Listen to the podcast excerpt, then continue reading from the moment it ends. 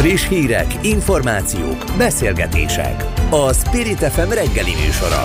Indítsa velünk a napot, hogy képben legyen. A mikrofonnál Vogyerák Anikó. 7 óra 6 perc van, szép jó reggelt kívánok mindenkinek a szerkesztő Hazafi Zsolt nevében is. Július 21-e van csütörtök és Dániel napja, úgyhogy köszöntjük őket, illetve hát azokat is, akik a születésnapjukat ünneplik ma. Lássuk, hogy mi mindennel várjuk önöket egy nagyon extrém meleg napon, hiszen 12 megyére adtak ki figyelmeztetést, ahogy egyébként a hírekben is hallhatták, úgyhogy aki teheti, az vonuljon árnyékba vagy légkondicionálós helyre, és leginkább hallgasson minket. Megszorítások helyett erősíteni kellene a szociális intézkedéseket. Erről beszélgetünk mindjárt Újhelyi István MSZP és EP képviselővel, hogy pontosan mire gondolnak.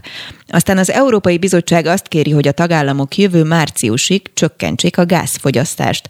Megoldható-e Magyarországon egyáltalán a 15%-os csökkentés, és hogyha igen, hogyan? És leginkább arra vagyok kíváncsi, hogy mennyire fog ez fájni nekünk, felhasználóknak. Szakértőt kérdezek majd. Az LNP közben azt kéri a kormánytól, hogy a rezsicsökkentés korlátozása ne érintse a fogyatékossággal élőket.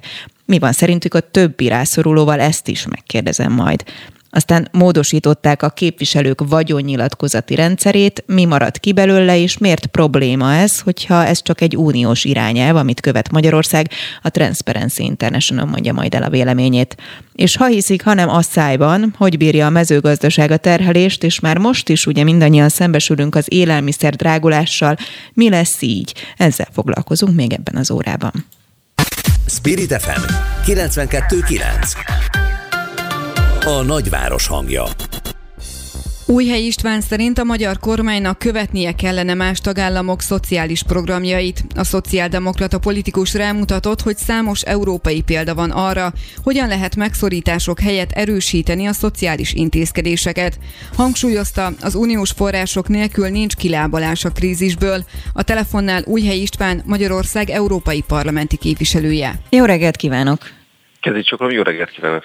Ezt már, mint az utóbbi mondatot, hogy az uniós támogatás nélkül nem tud lábrálni gyakorlatilag Magyarország, most már úgy tűnik, hogy a kormányzat is belátja. Ön szerint van esélyünk arra, hogy megkapjuk ezt az uniós támogatást? Kezdjünk ezzel.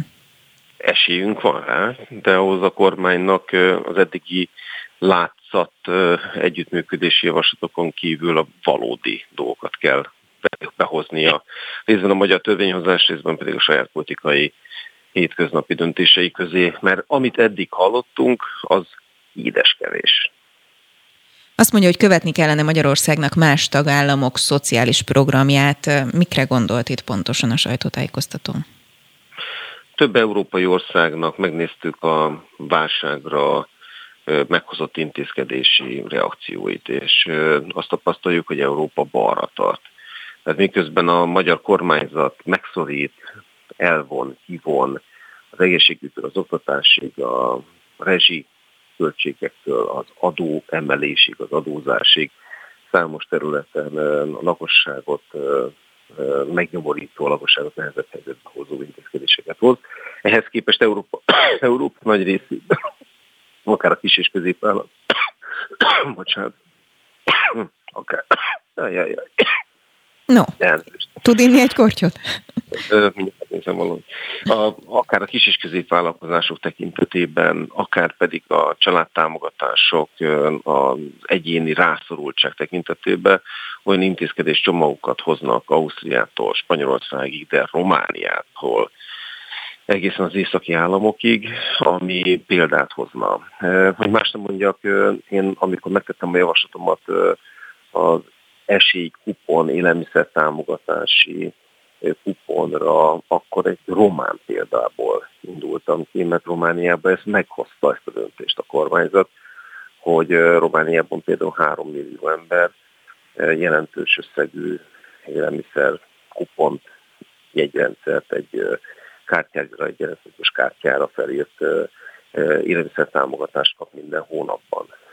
Spanyolországban láttunk olyan intézkedéseket, amelyek kifejezetten célzottan a családok támogatását jelenti, segíti, vagy például az áramszámlai részének átvállalását, de miközben azt olvassuk a propaganda kiadványokban, hogy Magyarország az egyetlen, és a magyar kormány az egyetlen, amely segít a bajban, az az igazság, hogy Európa összes országa valóban segít a bajban, miközben a magyar kormány éppen megszorít. No, amíg iszik, addig felidézem még a tegnapi sajtótájékoztatóját. Azt mondta, hogy hazugság igazából az, hogy háborús inflációnak nevezi a kormányzat azt, ami most éppen történik, hiszen az hallható a kommunikációból, hogy körülbelül mindennek az oka a háború és a háborús helyzet, sőt, Gulyás Gergely ugye nemrég azt mondta, hogy igazából senki nem volt jós, amikor mondjuk az energiaárak elszabadulását próbálták számon kérni rajta, hogy a választások előtt nem lehetett tudni, hogy milyen szinten fog elszabadulni az energiaár.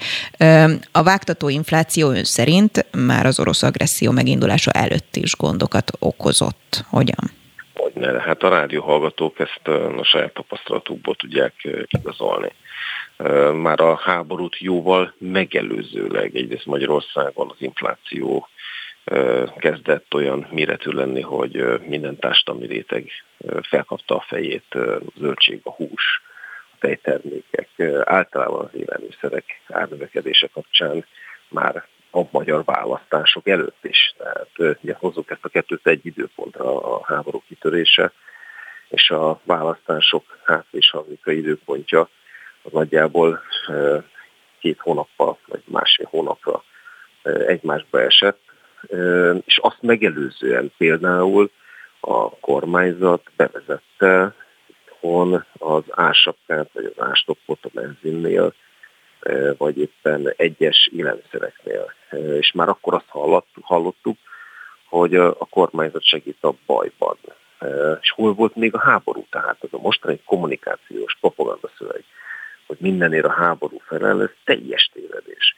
Az elmúlt 12 év kormányzati politikája következménye az, amit most tapasztalunk, és nyilván háború erre rátette egy lapáttal, csak miközben más országoknak van olyan gazdasági háttere és alapja, olyan stabil, stabilak az alapok, mondanám a cölöpök, hogy arra most tudnak egy ilyen válság esetén szociális intézkedéseket építeni, nálunk az egész kártyavár, amit felépített a kormányzat, amit most az első hullám vagy az első szél elsodor, és ezt mindannyian, egész magyar társadalom, mindannyian isszuk meg a levét. Hát egyelőre azt érzik az emberek, hogy az árstop az még mindig tart, ugye néhány élelmiszer tekintetében, sőt, ugye leginkább mondjuk a benzin tekintetében, hiszen, hogyha mondjuk valaki csak Horvátországba megy, akkor tudom, sokkoltan mesélte a barátom, hogy Jézusom 670 forint volt a benzinár, és akkor mondtam neki, hogy igen, hogyha mondjuk nem, nem lenne nálunk árstop, akkor jóval magasabb lenne nálunk is.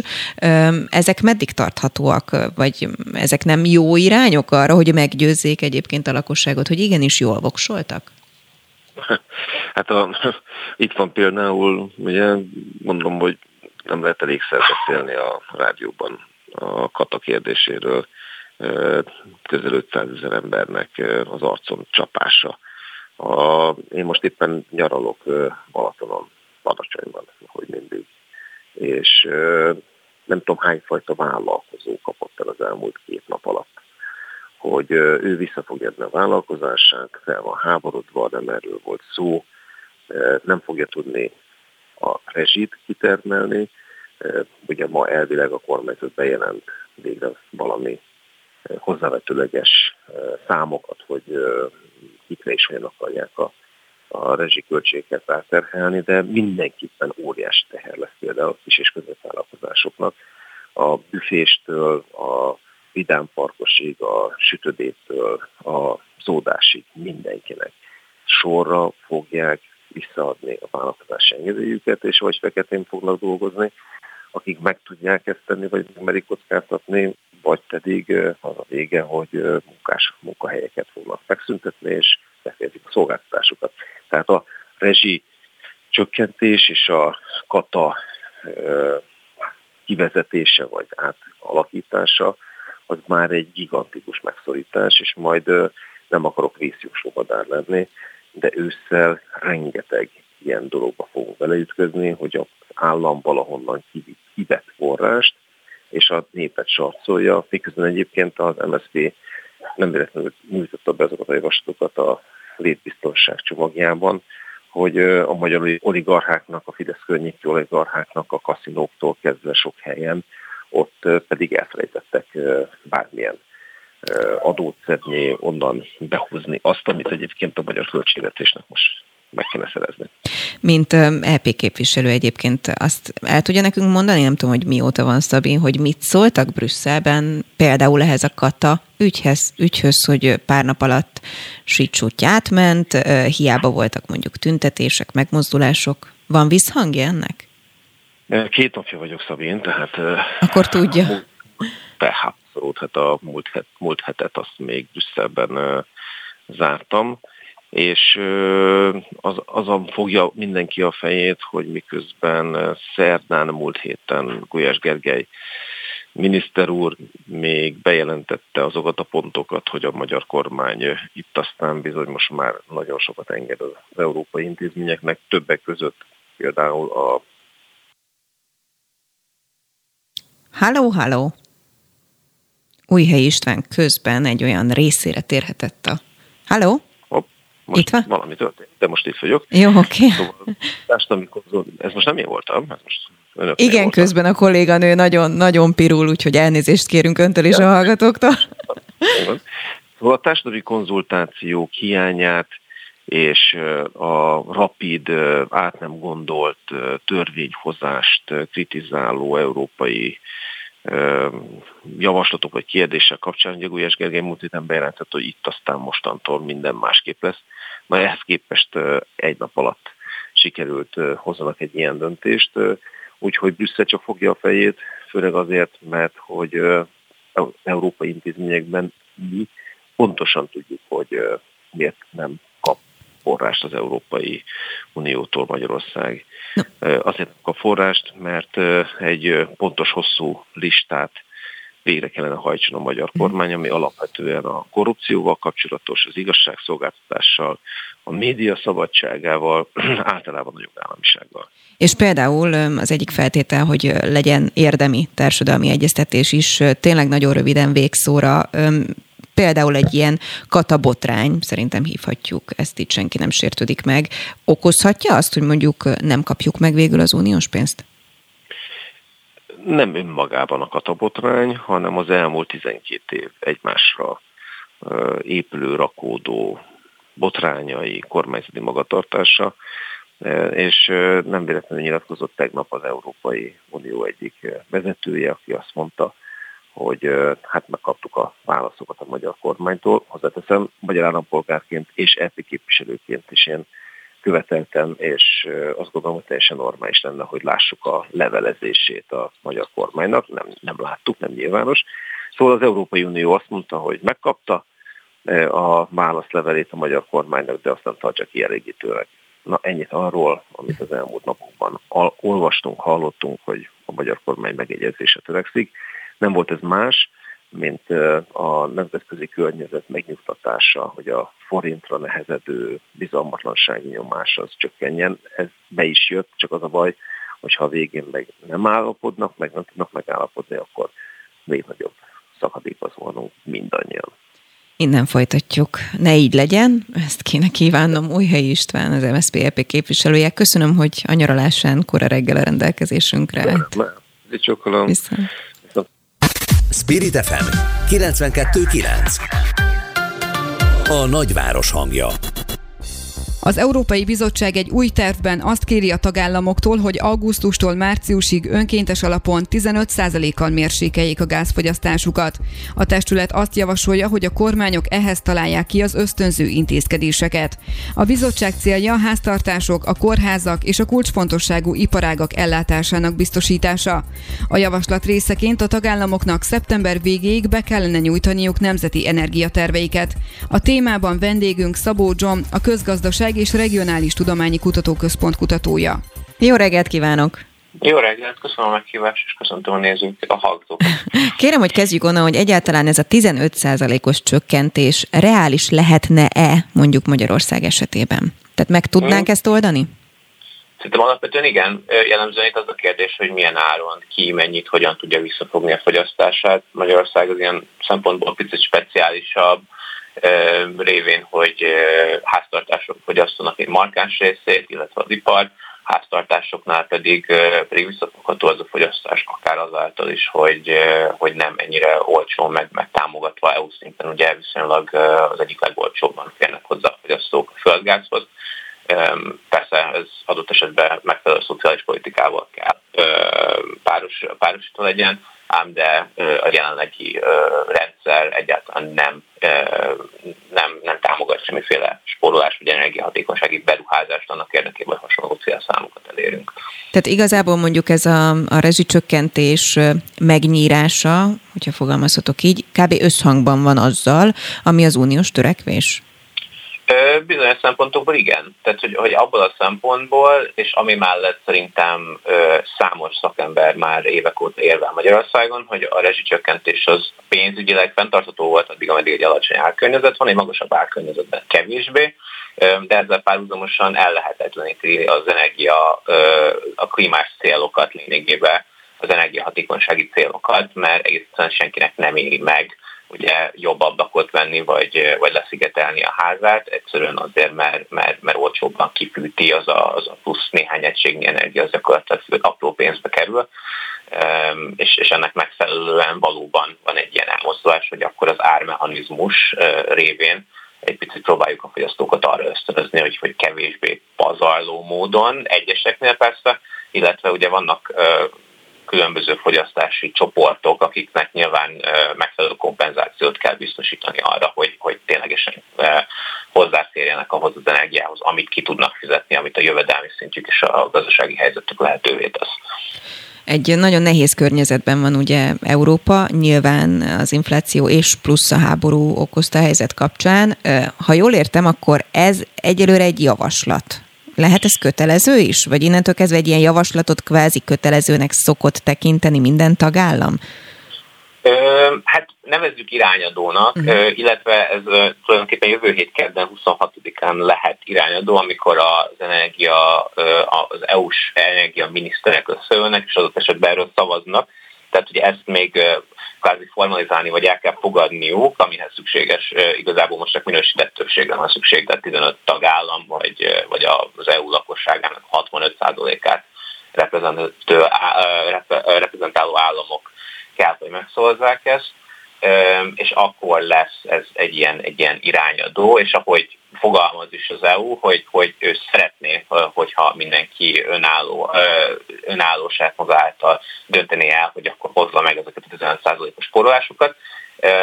Ez annyiban változhat, hogyha energiavészhelyzetet hirdetnek az EU-ban, teszem azt tél közepén elzárják az oroszok a földgázt, akkor az EU viszont kötelezheti arra a tagállamokat, hogy, hogy igenis ahol tudnak, ott, ott spóroljanak, és ott fogjanak vissza a fogyasztásból, ott is indikatív lehet, hogy, hogy irányadó lehet ez a 15 százalék, illetve ebben a, ebben a javaslatban most az is szerepel, hogy tulajdonképpen stratégiákat dolgozzanak ki a tagállamok arra, hogy hogyan tudnak spórolni. Ezeket két havonta felülvizsgálják, és akkor az EU-nak van mire tulajdonképpen rádöknie, hogy, hogy mi szerint lehetne még tovább cselekedni itt annak érdekében, hogy végső soron a lakosság ne fázzon, illetve meg kelljen teljesen a kapcsolni a fűtést, hogyha nem folyik a, a földgáz. No, akkor ezeknek a tükrében Magyarország alkalmas lehet, be tudnánk ezt a 15%-os csökkentést vezetni kvázi majd, hogy nem máró hónapra, bár egyébként ugye március végéig kéri ezt az Unió. Ön hogy látja? Alapvetően szerintem elméletileg igen, és őszintén szólva akkor leszünk okosabbak, hogy ugye, ha jól emlékszem, akkor, akkor azt, azt mondta a magyar kormány, hogy ma fogják közé tenni a magyar közlömbe a, a rezsicsökkentés csökkentésének az anyagát, tehát hogy azt szerintem mindenképp rávilágít, vagy rámutat, hogy, hogy hova tartunk fogyasztás tekintetében, illetve előrevetíti azt, hogy mi várható az őszi, illetve a téli hónapokban, és ezzel párhuzamosan ez, ez néhány hónapon belül lényegben fog derülni, hogy, hogy a magyar lakosság mennyiben alkalmazkodott ehhez, illetve ezzel párhuzamosan pedig ott vannak a nagyfogyasztók, akik már elkezdték visszanyesni a fogyasztásukat, különböző energiahatékonysági, meg, meg egyéb beruházásokat eszközölve, egyszerűen azért, mert számukra annyira költséges volt a földgáz, meg továbbra is az, hogy, hogy nem, nem feltétlenül éri meg megvenni, vagy más alternatívák után kell nyúljanak. Tehát, hogy, hogy, hogy teljesíthető. Csak a gázon kell sporolni, vagy máson is? Alapvetően mindenen. Tehát, hogy ez, ez, ez az energiarendszer, ez, ez ilyen minden mindennel összefüggő történet is, és emiatt tulajdonképpen minél kevesebb áramot fogyasztunk, például indirekt módon annál kevesebb földgázra is van szükség, az adott esetben kihelyettesíthető akkor egyre nagyobb arányba szénnel, atommal, megújulókkal, stb. Tehát gyakorlatilag mindennek mindenre ráhatása van ilyen szempontból. Itt még, a, még, a, még akár az olajfogyasztás is, is köz, közbe jön, meg például a németeknél, meg az osztrákoknál nagy hagyománya van, meg erősen vizsgálják azt, hogy a jelenlegi mondjuk gázerőművek, meg különböző hőerőművek milyen gyorsan vagy hogyan tudnának átállni fűtőolajra. És akkor ennek megfelelően mindenből kell spórolni Európa gyakorlatilag. Mennyire kell nagy dolgokra gondolni így végszóra viszonylag röviden? Az Egyensúly Intézet készített egy javaslatcsomagot, amiben például olyan van, hogyha fűtést egy-két fokkal csökkentjük, is jelentős változás érhető el. Ezek azért azt gondolom, hogy így mindenki számára vállalhatóbbak, vagy kevésbé ijesztőek. Erről van szó, vagy azért erősebb csökkentésekről? Szerintem mm, is is. Gyakorlatilag ilyen, ilyen egyszerű dolgok is, tehát hogy, hogy, hogy igen, hogy lejjebb egy a termosztátot, az, az abszolút segít odafigyelni arra, hogy, hogy, tehát, hogy ezek egy kicsit ilyen demagóg dolgok már-már, hogy húzzuk ki a konnektorból, amikor nem használjuk az adott telefontöltőt, vagy tudom is én, de az, hogy, az, hogy leértekelni a termosztátot, az amúgy viszonylag magas hőmérséklet szokott lenni a magyar lakásokban, az európai átlaghoz képest, az mindenképp egy fontos lépés ezzel kapcsolatban. Ezzel párhuzamosan könnyen lehet, hogy eljuthatunk olyan pontig, amikor, amikor fájdalmasabb, meg nagyobb volumenű, itt főleg az ipari fogyasztókat érintő közbeavatkozásokat kell eszközölni annak érdekében, hogy hozzuk ezeket a számokat, és ennek megfelelően csökkentsük a fogyasztást. Amik azért leszoktak nálunk is csapódni. Innen folytatjuk. Igen, Szabó John, nagyon szépen köszönöm, hogy a rendelkezésünkre állt. Szép napot! Köszönöm szépen, viszont! Friss hírek, információk, beszélgetések. A Spirit FM reggeli műsora. Indítsa velünk a napot, hogy képben legyen. A műsorvezető Vogyerák Anikó.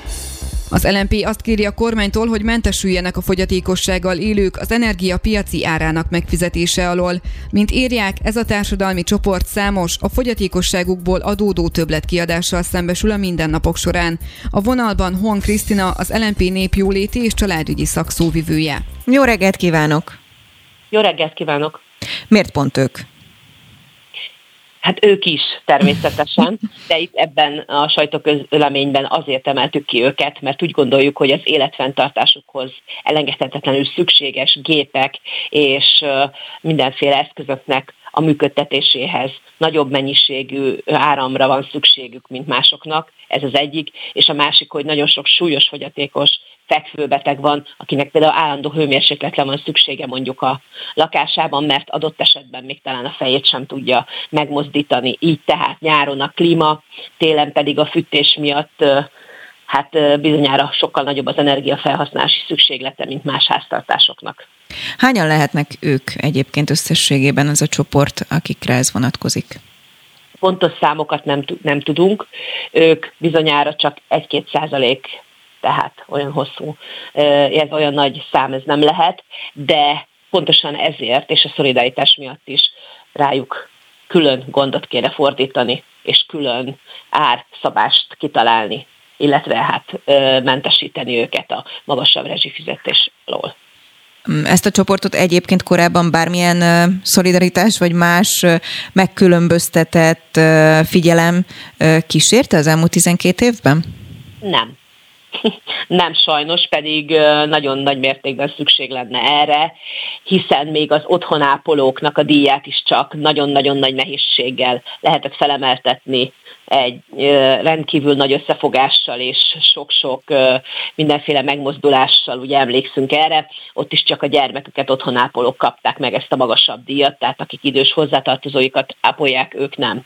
De most ezzel, hiszen tudjuk, hogy milyen kevés a jövedelmük általában ezeknek a családoknak, ezzel, hogyha ők nekik a lélegeztetőgéphez, vagy különböző ilyen elektromos ágyakhoz, vagy inhalátorhoz, és egyéb más eszközökhöz szükséges energiát piaci áron kell, hogy állítólagos piaci áron kell, hogy beszerezzék, akkor jelentősen megnövekednek a havi költségeik, és ezt nem valószínű, hogy ki tudják fizetni sokan azt mondhatnák, vagy gondolhatnák, hogy jó, jó, hogyha ők mentességet kapnak, akkor én is. Mert nekem meg, nem tudom, nyolc gyerekem van, én meg munkanélküli vagyok, én meg nem tudom, nem tudok ezzel fűteni, csak azzal fűteni, stb. stb.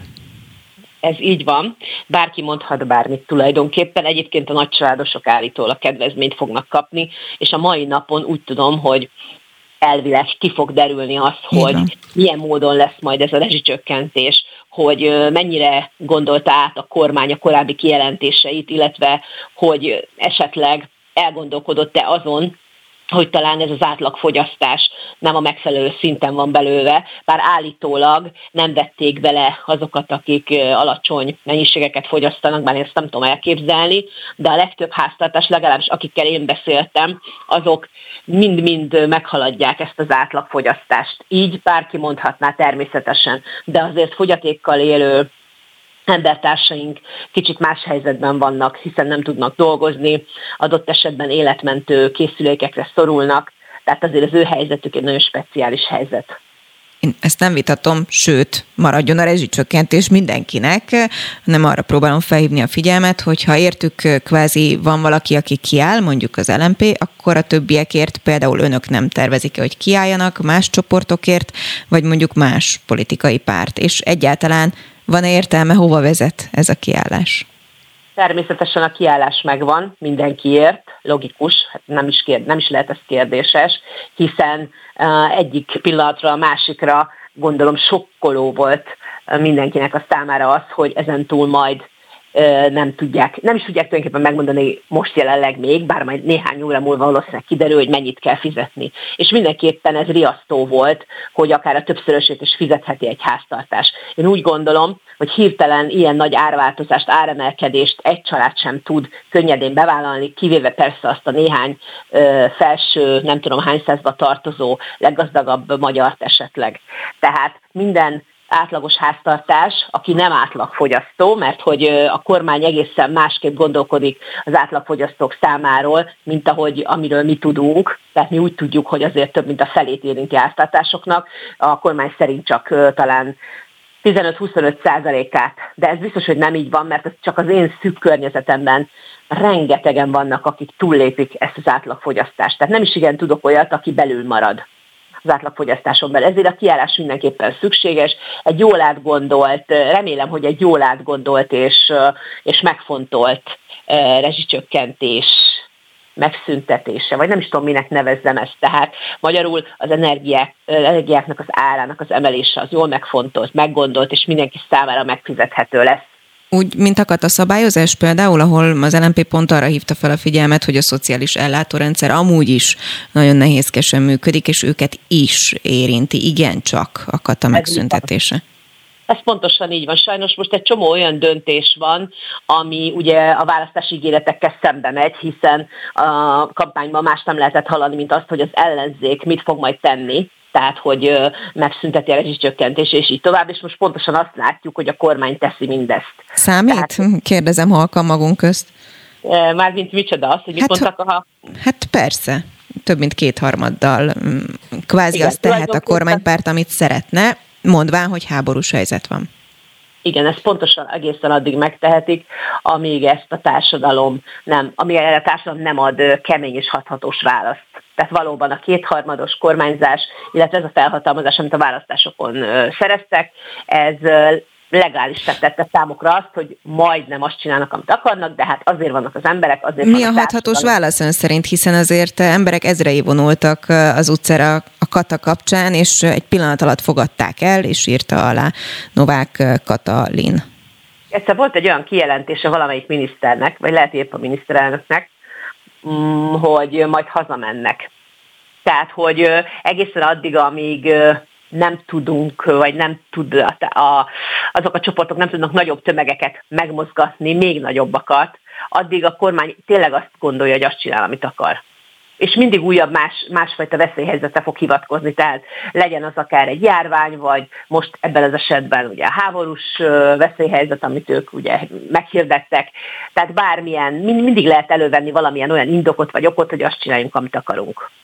És vannak, akik ezt el is hiszik, tehát hogy ezt azért még hozzá kell tenni, hogy azért sokan vannak olyanok, akik úgy gondolják, hogy ezek a cselekedetek jogosak, helyesek és igazságosak. Hon Krisztina az LMP népjóléti és családügyi szakszóvivője. Nagyon szépen köszönöm. Én köszönöm. Viszontalásra. Spirit FM 92.9 A nagyváros hangja Kedden a parlament megszavazta a vagyonnyilatkozati rendszer módosítását. A jövőben a magyar országgyűlési képviselőknek az Európai Parlament szabályai szerint kell nyilatkozniuk a vagyoni helyzetükről. Augusztus 5-éig kell leadni az új nyilatkozatot, amelyben már nem kell feltüntetni az ingatlanokat, a nagyértékű ingóságokat, a megtakarításokat, helyette a jövedelmükről és az értekeltségeikről kell számot adniuk a képviselőknek. A részletekről Ligeti Miklóst, a Transparency International jogi igazgatóját kérdezzük. Jó reggelt kívánok! Jó napot kívánok! Hú, önnek már nap van, akkor ilyenkor ön is korán kelt. No, mi a probléma ezzel, hogyha igazából vonogatja a vállát az összes kormánypárti képviselő, hogy hát az Európai Parlamentben is így szokás mindezt? Gratulálok a kormánypárti képviselőknek, most nagyon műveltek lettek hirtelen Európai Uniós és Európai Parlamenti joganyagok, joganyagokban és megoldásokban.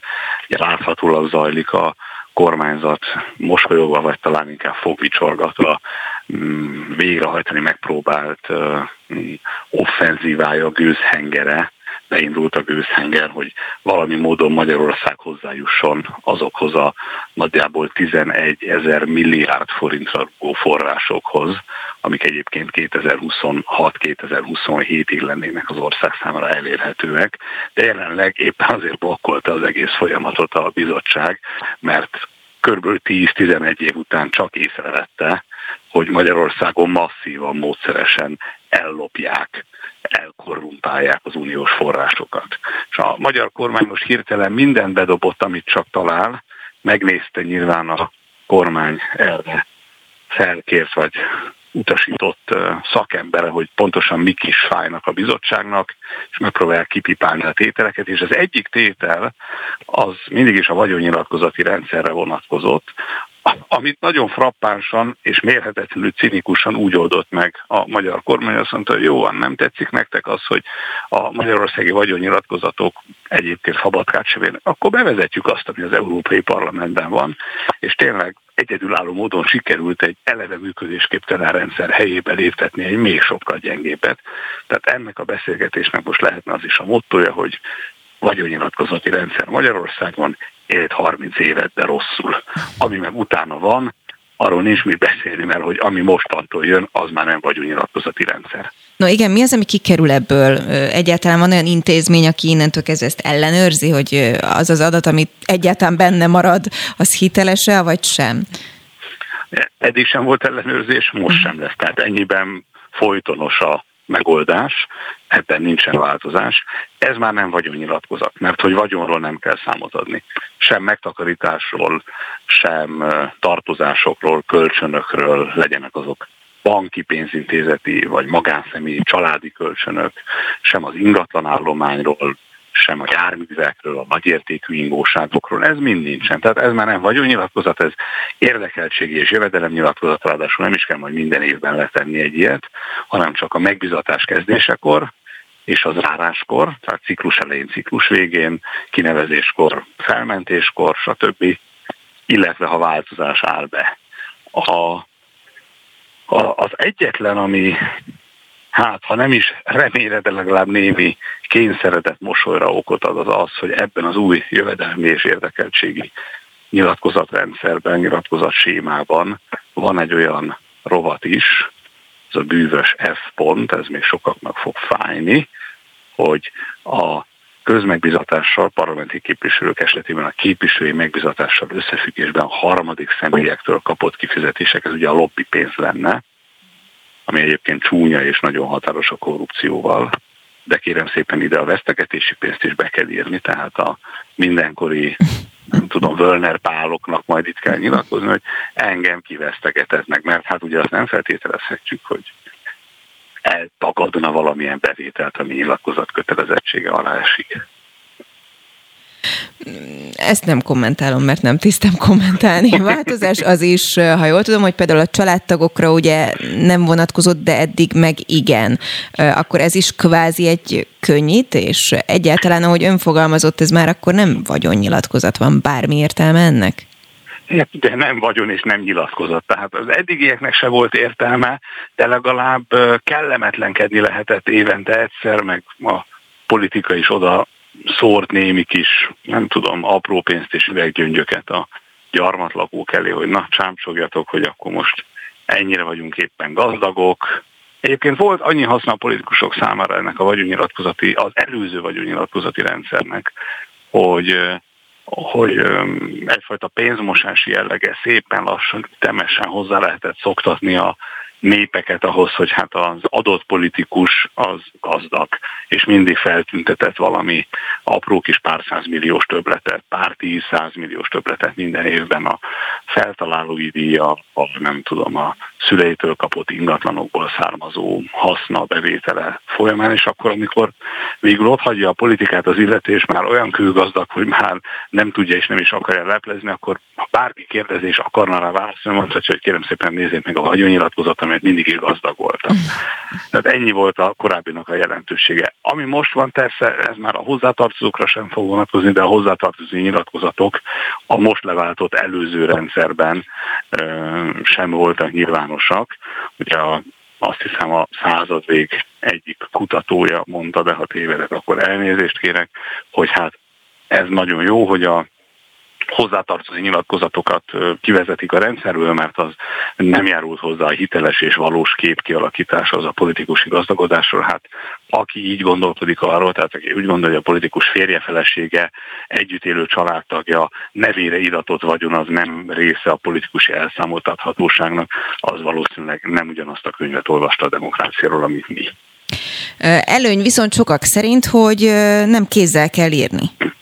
Hogy mondjunk jót is mondjuk jót is, persze nem kézzel kell, itt a mondat vége, mert nem kell írni. Ez a ja, poén okay. ebben.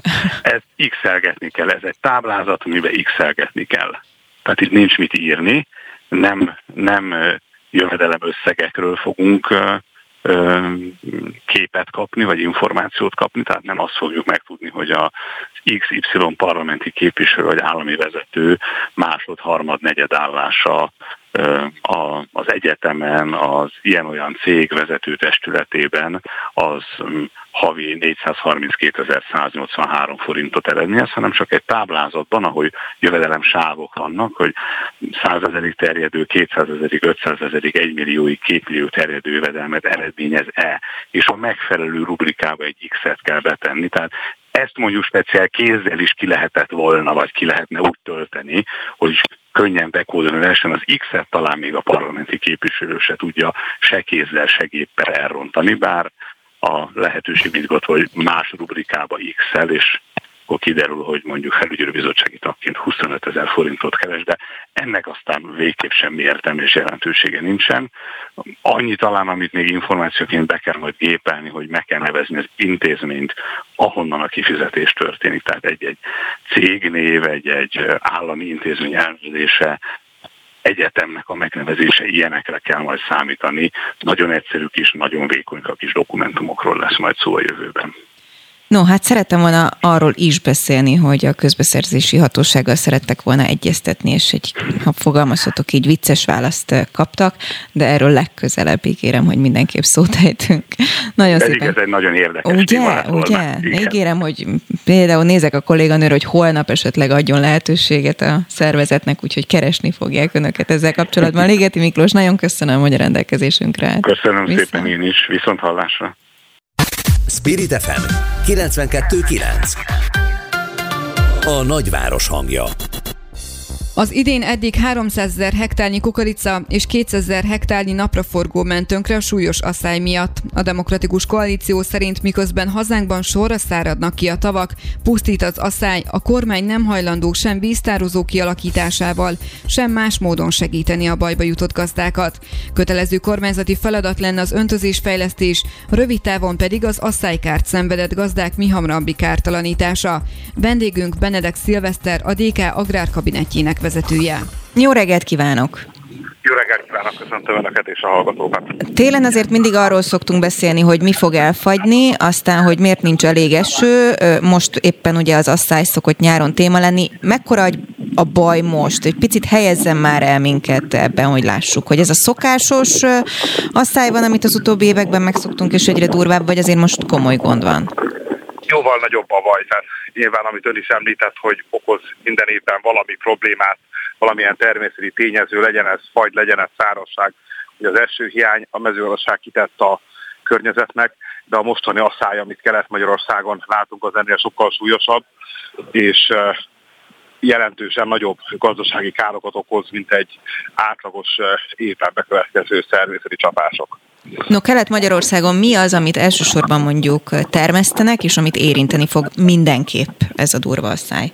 De mindent, mindent érint, az ez a magyar vetés, magyarországi vetésszerkezet az alapvetően a búza, kukorica, napraforgó és repcenövényekből tevődik össze.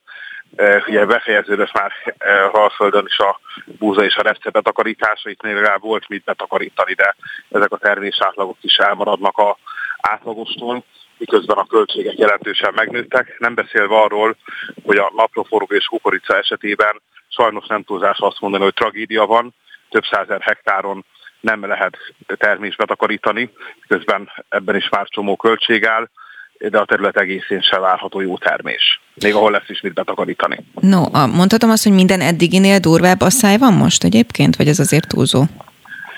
Mondhatjuk ezt, sajnos, sajnos nem túlzó ez a kijelentés, és, és itt látszik az, hogy bár rögzölt témaként beszél arról a magyar agrárpolitika, hogy mennyire fontos az öntözés fejlesztés. Még mindig több víz megy keresztül az országon. Magyarország esetében is még mindig vannak olyan területek, amelyeken öntözhető lenne, de ilyen-olyan akadályokból nem áll öntözés alatt nem beszélve arról, hogy további területeket kellene öntözésbe bevonni, ottól megfelelő közelségben van vízforrás, hiszen máshogy nem lehet ilyen mértékű asszályt kezelni. A napraforgót említette, ami mm, felmerül bennem, hogy az igazán e, tragikus lehet, hogyha ön ezt a szót használta, hiszen mondjuk amikor az ukrajnai háborúról és az ottani mezőgazdasági válságról beszélünk, akkor a napraforgót szoktuk is emlegetni, hogy abban ugye komoly ellátó volt Ukrajna, ami most ugye megszűnik. Ez tovább fokozza a helyzetet? Mi lesz a napraforgó piacon? Bizonytalanság van jelenleg, és azt gondolom, hogy nem is lehet jelen pillanatban többet mondani, mert az, hogy milyen lesz a napraforró termés Ukrajnában, ezt se tudjuk még, de azt gondolom, hogy Ukrajn esetében a realizált termésnél még nagyobb problémát jelent a logisztika, Persze. nem lehet az árut kihozni az országból.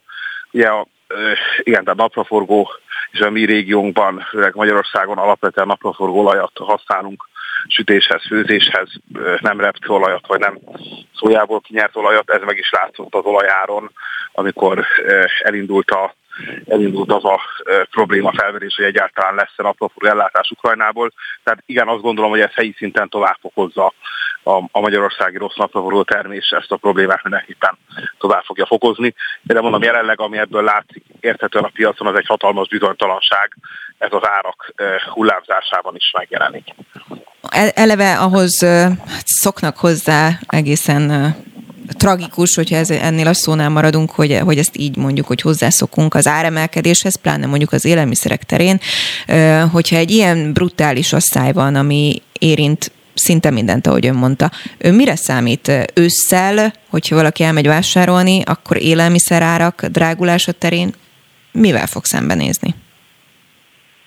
Nem az én tisztelít százalékokat uh-huh. mondani, mert nem lehet teljesen egyenesen Akkor azt, hogy mivel lesz mező, a legnagyobb igen, gond? Áremelkedés, áremelkedésből az élelmiszerárakra, de a mezősági termékek esetében jelenleg egy, egy olyan magas árszint van, ami adott esetben duplája, például a búza esetében, a napraforgó kukoricá esetében is 30 kötőjel 50 százalékos áremelkedés a tavalyi évhez képest.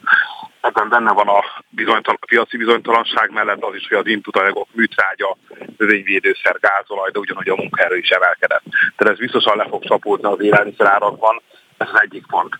A másik pont az, hogy azt gondolom, hogy önmagára hiába említettem ezt a piaci bizonytalanságot, ez lecsapódik a mezősági termékek további áremelkedésével, és az élelmiszer ár emelkedésekben is, mert egy ilyen helyzetben felértékelődik nyilván az alapvető élelmiszer, ami, a, ami az ember életnek az alapja.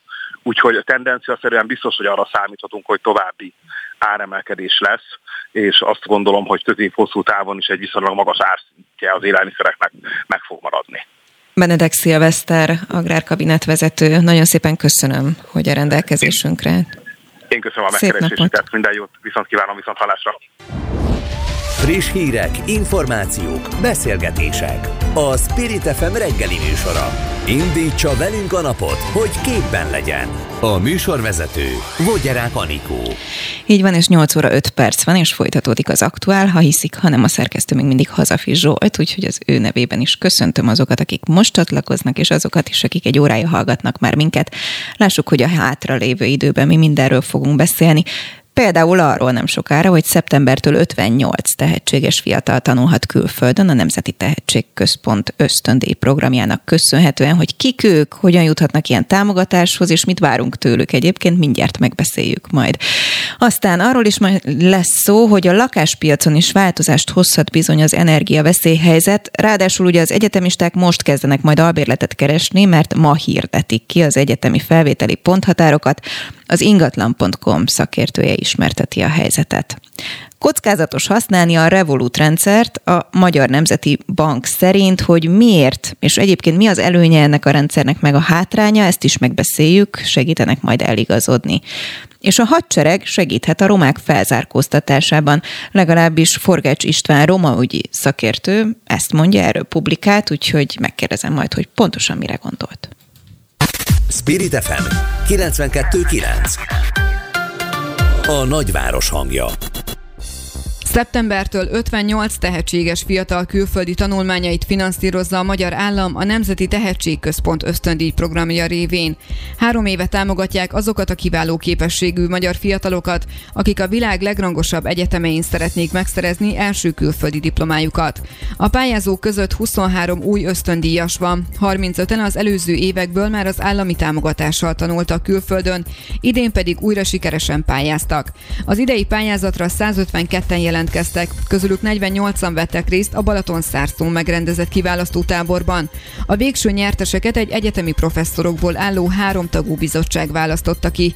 Vendégünk dr. Lantos Krisztina, a Nemzeti Tehetségközpont ügyvezetője akit itt a stúdióban köszöntök. Jó reggel, szervusz, köszöntöm én is a hallgatókat. No, és arra kérem, hogy először egy picit magyarázzuk el, hogy hogy is működik ez a rendszer, hiszen, hogyha valaki az összefoglalót hallhatta, akkor hallotta azt, hogy akkor van ebből olyan, aki már kint van, vannak újak. Egyáltalán hány évre szól ez a támogatás, hogy valaki külföldön tanulhasson?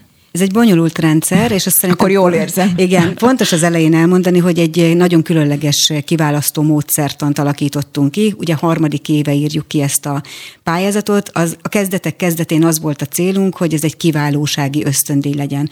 Az ötlet gazda a jelenlegi köztársasági elnök Novák Katalin, aki még államtitkárként, később miniszterként is személyesen vett részt a módszertant kidolgozásában. Nagyon fontosnak tartottuk, hogy alapprogramban és mesterképzésben is osztatlan mesterképzésben is tudjunk támogatni fiatalokat.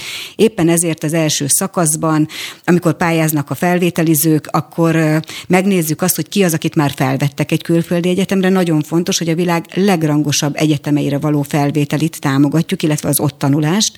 Nem, nem általában a külföldi tanulást, hanem azt támogatjuk, hogy a legjobb, legmodernebb, leg, legfantasztikusabb, Mondjunk legtudományosabb. Hát ilyen például a Delfti Egyetem, az Oxfordi Egyetem, a Zürichi Egyetem, Oxford, Cambridge, ilyen az MIT, ahol, ahol most már négy hallgatónk is lesz az idei győztessel együtt, ami egy óriási dolog, és az első szakaszban egy olyan hallgatónk nyert, aki Amerikából felvételi nélkül jutott be az MIT-ra egy középiskolai programnak köszönhetően, és tulajdonképpen ez az Amerikában élő magyar lány egy magyar ösztöndíj programnak a következtében mehetett el az MIT-ra megvalósítani a saját álmait, és mai napig is nagyon sokat szerepel Maja a programunkban, Beleznai Majának hívják, asztrofizikát tanul, volt már Dubajban a világkiállításon, beszélt a magyar űrprogramról, volt már az ENSZ-ben egy olyan előadáson, ami egy tavaszi Nők a Tudományban című konferencia sorozathoz kapcsolódott. Tehát nagyon aktívan vesznek részt. Ugye ott tartottam, hogy az első szakaszban, Igen, bocsánat. első szakaszban mindenki leírja magáról, hogy mit ért el eddig, igazolja a tudományos eredményeit, a versenyeredményeit, egy objektív pontszámot követően megnézi egy előzsűri, hogy kik azok, akik a, a, az objektív pontszámok után még további pontszámokat kaphatnak. Ez alapján kialakul egy 48-49-50-es csapat, aki bekerülhet a kiválasztó táborba, ahol 14 instruktor segítségével és kis instruktorok segítségével három napig nagyon intenzív vizsgálatnak teszik ki őket. Különleges programok vannak, különleges feladatok. Beledobjuk őket már a kezdetén a, a, a legmélyebb vízbe, hiszen azt sem tudják, hogy ki az instruktoruk. Meg kell találni talányos mondatot mondatok alapján az idén is a déli pályaudvarból ala, indultunk, és ki kellett találni két-három mondat alapján mondjuk egy pályázó párnak, hogy mondjuk Vindis Lászlót, az ÁSZ elnökét kapta-e instruktorként, vagy Miklós Erika Kossuth Díjas művész, vagy Balázs János, vagy egy sportolót, Szász Kovács Emese csatlakozott idén a, a csapathoz, de az instruktorok között volt Novák Katalin köztársasági elnök, ami egy óriási szó, nem tudunk olyan programról máshol a világban, ahogy, ahol egy elnök ennyire komolyan venni a fiatal fiatal tehetségekre vonatkozó nemzetstratégiai feladatokat. Ő, ő elég komolyan veszi. Balog Püspök úrral voltak instruktorpárok, és azt kell mondjam, hogy fantasztikus élmény volt az, hogy ezek az emberek akik tényleg a, a hihetetlenül elfoglalt napjaikat áldozzák fel a többi instruktorral együtt, milyen odafigyeléssel fordultak, és tényleg azt kell mondani, hogy napi 16 órán keresztül voltak a fiatalokkal, nem csak a fiataloknak hihetetlen intenzív ez a tábor, hanem az instruktoroknak is. És ugye ezt követően adnak az instruktorok egy ajánlást, egy elég tág ajánlást a bíráló bizottságnak, a, a tábori a táborban tapasztaltak alapján, és egy háromtagú bírálóbizottság professzor professzor Acél Petra elnökségével, professzor Ádám Veronika és professzor Batta András részvételével döntenek a végső nyertesekről, akik az idén most 23-an vannak. Na nagyon röviden, mielőtt meghallgatunk egyébként egy instruktort, aki nem mellesleg Franciaországban tanul az ösztöndíjjal, mindjárt kapcsoljuk majd Ludányi Leventét, automatikusan a komplett tanulmánya támogatva van egyébként, vagy évente meg kell ezt újítani? Hát nagyon figyelünk arra, hogy méltók legyenek mindazok, akik jelentkeznek, mindazok, akik a, a programban részt vesznek, magára a programra végig a tanulmányaik alapján. Természetesen az a célunk, hogy mindenkit támogassunk a tanulmányai végig, de minden évben újra kell erre pályázni, megnézik a Nemzeti Tehetségközpont munkatársai, hogy vajon teljesítette a szerződéses kötelezettségeit, vajon minden elszámolási kötelezettségének eleget tette, hiszen nagyon fontos, hogy ez, ez egy közpénz, ez a mi közös pénzünk, a Nemzeti Tehetség tehetségprogram finanszírozásával kapjuk meg ezt a pénzt. A Nemzeti Tehetségprogramban pedig tudjuk, hogy mi állampolgárok ajánlhatjuk fel az adónk 1%-át eh, tehetséggondozó célokra, a kormány pedig eh, ugyanannyi eh, összeggel kiegészíti, mint amit mi felajánlottunk. Tehát nagyon fontos, hogy odafigyeljünk, és azt érezzék ezek a fiatalok is, akik a legjobb egyetemeken tanulnak, hogy tartoznak azzal nekünk, állampolgárnak, Magyarországnak, hogy, hogy visszaadnak abból, amit vállal, és amit vállaltak, azt teljesítik. Egyébként a az fontos elmondani, hogy nem csak a magyarországi magyar állampolgár fiataloknak szól ez a program, hanem a határon túli magyaroknak is. No, és itt van velünk Ludányi Levente telefonon. Köszöntünk téged, hogyha hallasz minket. Jó reggelt, sziasztok! Jó reggelt! Aki ugye, ahogy mondtam, egy egyrészt Franciaországban tanulsz, másrészt pedig egyébként itt voltál kvázi kis instruktorként ebben a táborban, úgyhogy kezdjük kérlek onnan, hogy te mit tanulsz és mit keresel Franciaországban egyáltalán, hol vagy melyik iskolán?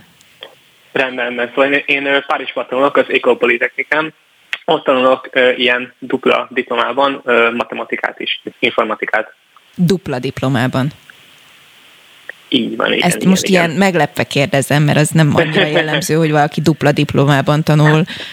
Hát igen, ez adja igazából az egyetemnek ezt a különlegességét, ami igazából ki is hogy hogy e- egyszerre lehet kettő tantárgyat úgynevezett ilyen majorben felvenni, és igen, és ez a kombináció nagyon-nagyon izgalmasnak és hasznosnak tűnik. Az ösztöndíj segítségével tanulhatsz ott kint. Mm, kérlek, hogy egy picit hozd közelebb számunkra, hogy mit jelent egy tehetséges fiatal, egy nagyon okos fiatal életében az, hogyha kap egy ilyen lehetőséget az ösztöndíj nélkül, lett volna esélyed arra, hogy kiuss oda. Igen, szóval hát ez egy leírhatatlanul nagy segítség. Egyébként én szembesé vagyok, és hát az ösztöndíj nélkül sajnos ez nem, nem ötven össze, hogy kint tudjak tanulni.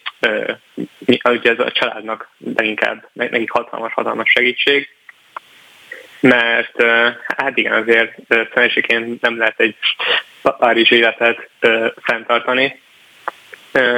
Továbbá sokan egyébként úgy vannak, hogyha mégis kimennek, akkor egyetemet ugye, do- do- dolgozniuk kell, és akkor nem tudnak teljes mértékben a tanulmányaikra fókuszálni, vagy kutatásra, de nekem szerencsére az anyagi hátteret azt, azt a stipi az, teljesen fedezi, és itt ott teljes mértékben pont azért, amiért kint vagyok, hogy a tanulmányomat tudjak összpontosítani, tudok százszerűen arra koncentrálni.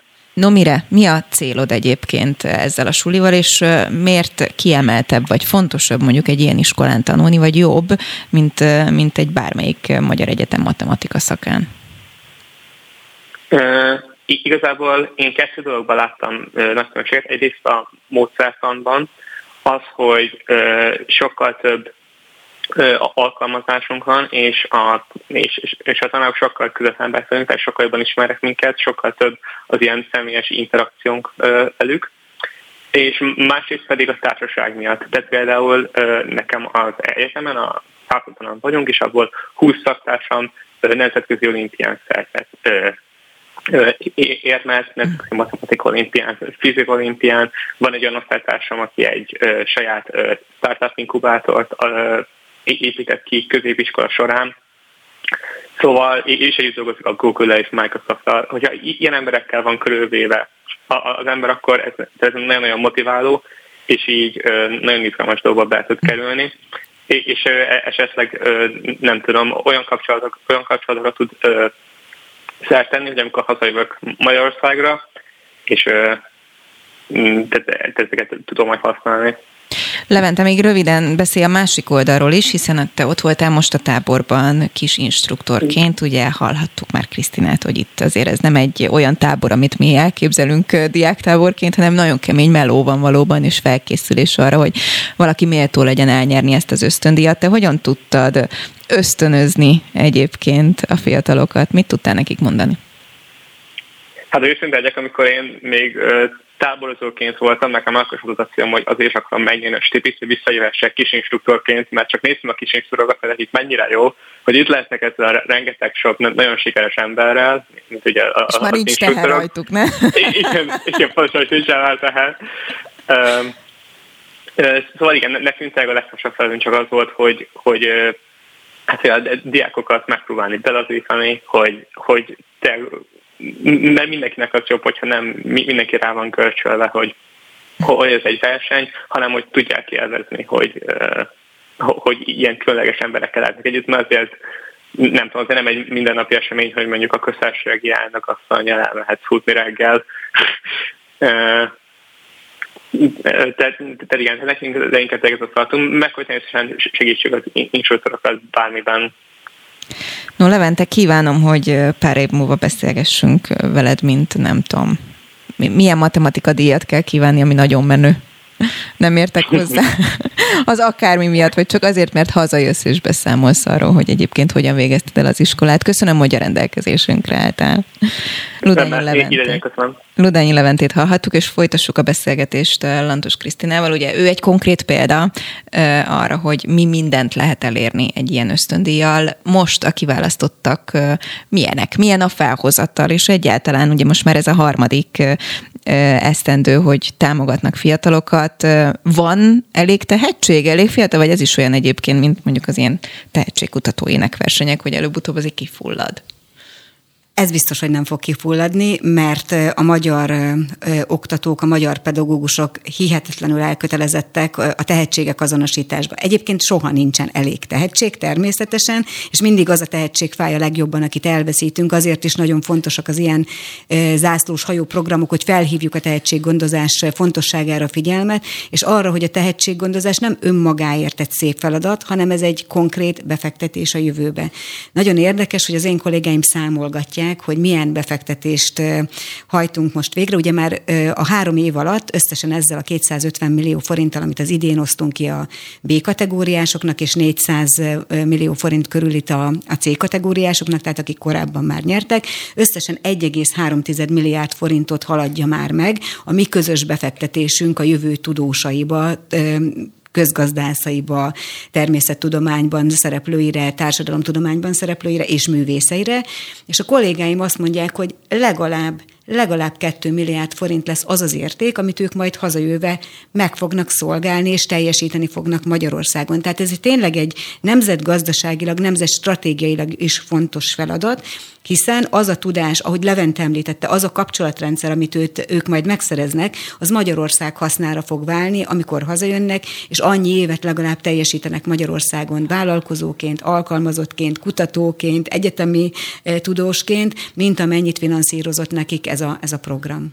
Van egy friss saját élményem egyébként, most jöttem haza múlt héten a Hajdúböszörményi írótáborból, ahol írók, költők, kortárs költők foglalkoznak fiatal tehetségekkel, gyerekekkel, csak nem százan voltak ott, és külön kurzust indítottak most újságírás média szemináriumot, amit vezethettem, és pont ott beszéltük egyébként a, az oktatókkal, hogyha már csak egy vagy két fiatal érdeklődik mondjuk a költészet iránt, vagy kritikus lesz, vagy publikál, mert akkor megéri az a befektetett energia. Ön is így látja?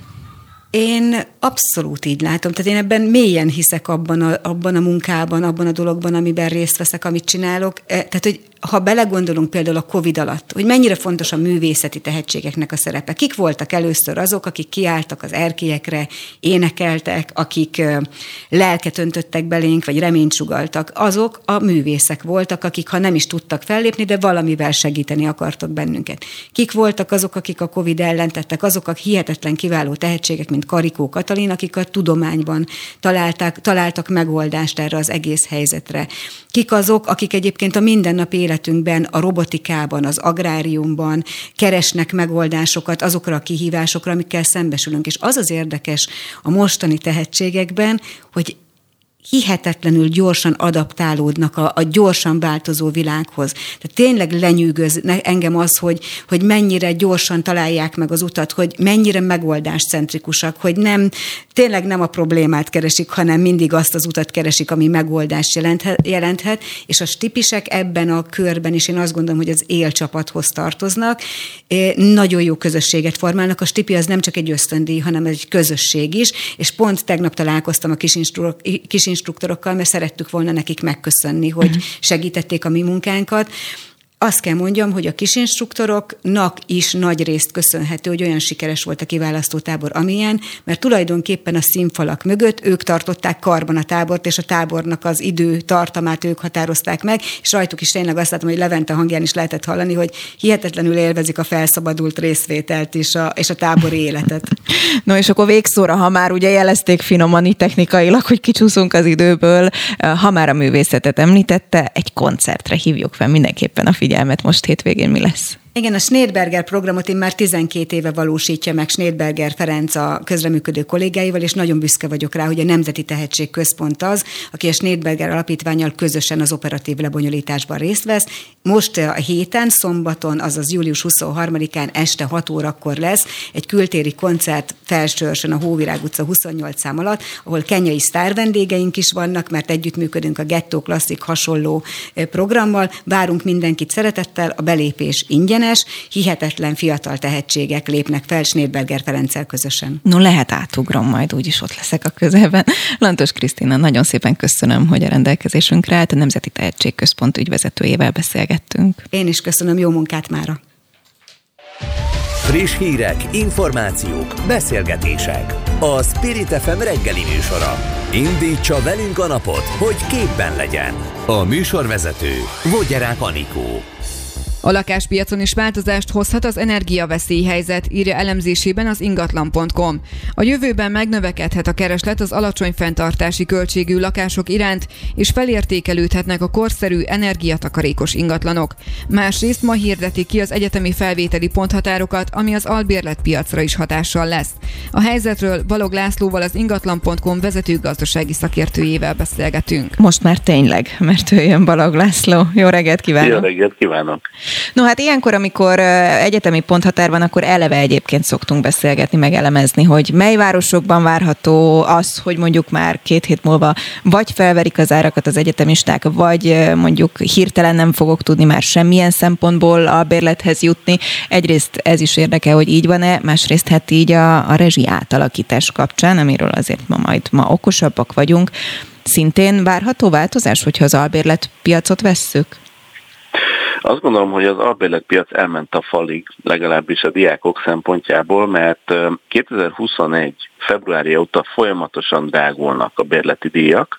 Ezt egyébként pont a ksáingatlan.com ma megjelenő, vagy 5 perc múlva megjelenő lakbérindexe is ráerősít majd, hogy hogy gyakorlatilag 60%-kal nőtt 2015-höz képest a, a, a bérleti díj, gyakorlatilag az elmúlt egy évben pedig negyedével emelkedtek az albérletárak, és mindemellett nem csak a bérleti díj okoz ö, fejtörést a fiataloknak, hanem az, hogy most fele annyi lakás van a, szerepel a kínálatban, mint egy évvel ezelőtt. Tehát nagyon szűkül a kínálat, tehát a felvezetőben feltett kérdése abszolút aktuális, hogy lesz-e kiadó lakás.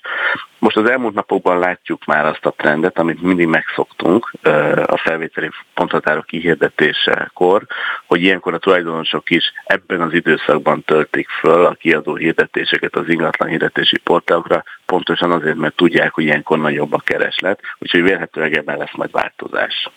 Mert amikor mondjuk albérletet keres valaki, akkor az is szokott szempont lenni, hogy alacsony rezsi.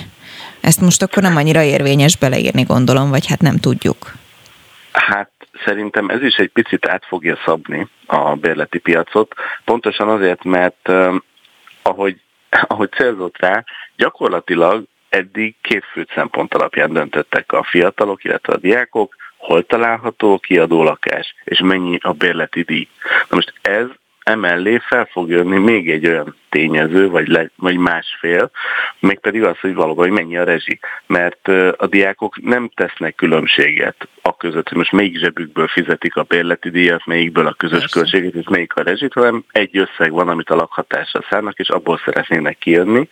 És ebből a szempontból még ugye fontos lehet a fűtési rendszer típusa is, mert ugye az alapvetően meghatározza a rezsit, és ez egy új szempont lesz. Legalábbis biztos vagyok benne, hogy a lakás megtekintések során szinte kivétel nélkül el fog hangozni ez a kérdés, hogy de mennyi a rezsi.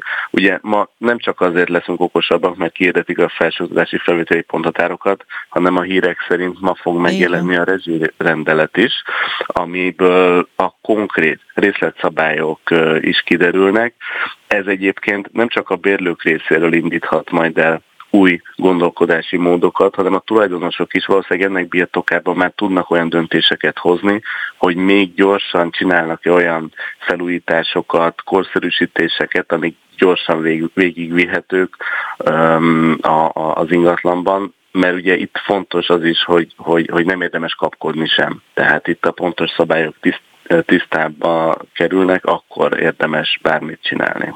Az előfordulhat, hogyha mondjuk per négyzetméter per fő ott lakóhoz van mondjuk esetleg ez a rezsi csökkentés, visszavágás, emelés kötve, akkor mondjuk nagyobb kedvel, vagy mondjuk ez ösztönzően hat arra, hogy bejelentsem a nálam lakó diákokat? Alapvetően igen, és egyébként itt több olyan uh, forgatókönyv is elképzelhető, ami pont az albérletpiac tisztulása irányába hathat. Ez az egyik megoldás lehet, hogyha például ez lesz a szabály, hogy az ott élők száma is befolyásolja, hogy mennyi lehet a, uh-huh. a határérték alatti uh, fogyasztás, hogy ott alacsonyabb rezsivel megúszza a, a, az ingatlan, végsősorban tulajdonos, mert a, a, a rezsidíjat ugye a bérlők fizetik, de azért az nem mindegy, hogy hogy, hogy szerepel ez az ingatlan mondjuk a közműszolgáltató nyilvántartásában. Másrészt pedig ugye vannak más megoldások is, fölmerülhet az is, hogy a mérőórákat a tulajdonos a bérlőnevére írja, ez, ez ugye félig meddig jó megoldás, mert ugye itt a, a tartozás felhalmozása az, az nem merülhet föl a tulajdonos számára, mert a bérlő fizeti, de ugye hogyha ráírja a bérlő órát, a, a bérlő nevére a mérőórát, akkor ugye ott azt már alapvetően fehéren kell csinálni, tehát ott a feketézés, meg a szürke zónának nem nagyon lesz helye, és ez véletlenül tisztíthatja a bérleti piacot, de szerintem nem ez lesz a, a, a legkézenfekvőbb megoldás, mert ugye, hogyha ne Isten tartozás halmozódik föl, és kikapcsolják a szolgáltatást, akkor a közműszolgáltató általában ezt nem kapcsolja vissza, amíg valaki, most tök mindegy, hogy ez a bérlő vagy a tulajdonos nem rendezi annak az ingatlan nevén címén lévő tartozást, úgyhogy szerintem inkább az előre fizető mérőórák lesznek a legnépszerűbb megoldások a bérbeadók részéről, mert ez egyrészt az a fogyasztást is egy picit vissza tudja fogni, másrészt pedig az megkizárja a tartozás felhalmozását. No, innen folytatjuk, bár számtalan kérdés marad bennem, de Kovács Klára könyörtelenül jön majd a rövid hírekkel, úgyhogy Balog Lászlónak az ingatlan.com vezető gazdasági szakértőjének köszönöm. Én köszönöm a lehetőséget. Friss hírek, információk, beszélgetések. A Spirit FM reggeli műsora. Indítsa velünk a napot, hogy képben legyen. A műsorvezető Vogyerák Anikó. A Magyar Nemzeti Bank a Revolut használatának kockázataira hívta fel ismét a figyelmet minap kiadott közleményében. Az MNB álláspontja szerint az ügyfelek védelme érdekében a Revolut banknak itthoni leánybankként Magyarországi székhelyjel, tőkerővel a hazai jegybank felügyelete alá tartozó intézményként kellene végezni a tevékenységét. A telefonnál dr. Nádra Ildikó felügyeleti szóvivő helyettes. Jó reggelt kívánok! Jó reggelt kívánok, üdvözlöm a hallgatókat. No, aki mondjuk nem ismeri ezt a rendszert, én például nem vagyok benne annak, és szerintem nem vagyok egyedül, legalábbis remélem, annak elmondani, hogy egyáltalán mit jelent ez a Revolut rendszer? A Magyar Nemzeti Bank, jelenleg a Revolut, a határon átnyúló hitelintézetként működik Magyarországon. Tehát egy pénzügyi szolgáltatást végez az ügyfeleknek. Viszont a, nem a Magyar Nemzeti Bank, hanem a Revolut esetében a Litván jegybank felügyelete engedélyezi és végzi ennek a felügyeletét, ennek a pénzügyi szolgáltatónak. A Magyar Jegybank regisztrálta ennek működését, és egyúttal tájékoztatta a határon átnyúló hitelintézetet azokról a szabályokról, amelyeket be kell tartania, az üzletszabályzat követelményéről, az egyes pénzügyi szolgáltatások nyújtásának a szabályairól. Tudni kell azt, hogy a határon átnyúló hitelintézetnek, tehát jelen esetben a Revolutnak nincsen adatszolgáltatási kötelezettsége, tehát a Magyar Nemzeti Bank ez alapján nem rendelkezik információval arról, hogy ténylegesen szolgáltat-e hazánkban, és hogyha igen, mekkora állományjal rendelkezik, hány fogyasztóval áll kapcsolatban, illetőleg milyen típusú panaszokkal fordulnak a fogyasztók hozzá. Igen, ez azért lehet nekünk furcsa szerintem kvázi civileknek, vagy nem banki szakembereknek, mert azt gondolnánk, hogy a Magyar Nemzeti Bank mindent felügyel, ami Magyarországon hozzáférhető. De ezek szerint akkor a Revolut ez egy kis kapuban van, vagy külföldön bejegyzett valami, ami nem úgy működik, mint egy bank, de mégis bank?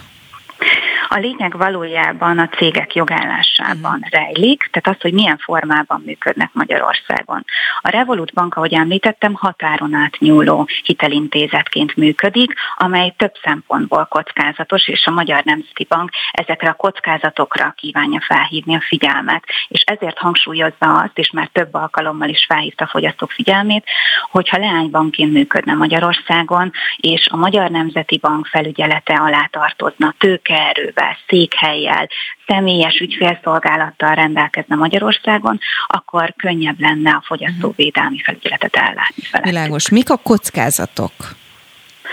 A kockázat ezáltal, hogy ugye korlátozott jogosítványok illetik meg a Magyar Nemzeti Bankot, ezáltal a betétesek védelmét nem a magyar, hanem a litván betétbiztosítási rendszer garantálja, és a fogyasztók szempontjából ez azért is fontos, mert hogyha esetleges elszámolási, fogyasztói vagy netalántán betétbiztosítási problémájuk van, akkor a hazai fogyasztók csak a Litván, Litvániában kereshetnek jogorvoslatot saját ügyeik kapcsán. Tehát magát a problémát ott jelezhetik, ezt vagy angol, vagy litván nyelven tehetik meg. Tehát nincsen most jelenleg személyes ügyfélszolgálat, nincsen élő hangos ügyfélszolgálat sem Magyarországon. Volt már egyébként konkrét panasz, ami nyilván egy fura kérdés, hiszen az elvileg nem önökhöz érkezne be, ugyanakkor azt gondolnám, hogyha valakinek baja van, nyilván önöket keresi meg. Így van, a Magyar Nemzeti Bank ügyfélszolgálatához be lehet nyújtani a panaszokat, és igen, az, az első figyelmeztetésünk óta, ami 2020-ban jelent meg, folyamatosan érkeznek az ügyfélszolgálatunkhoz a panaszok.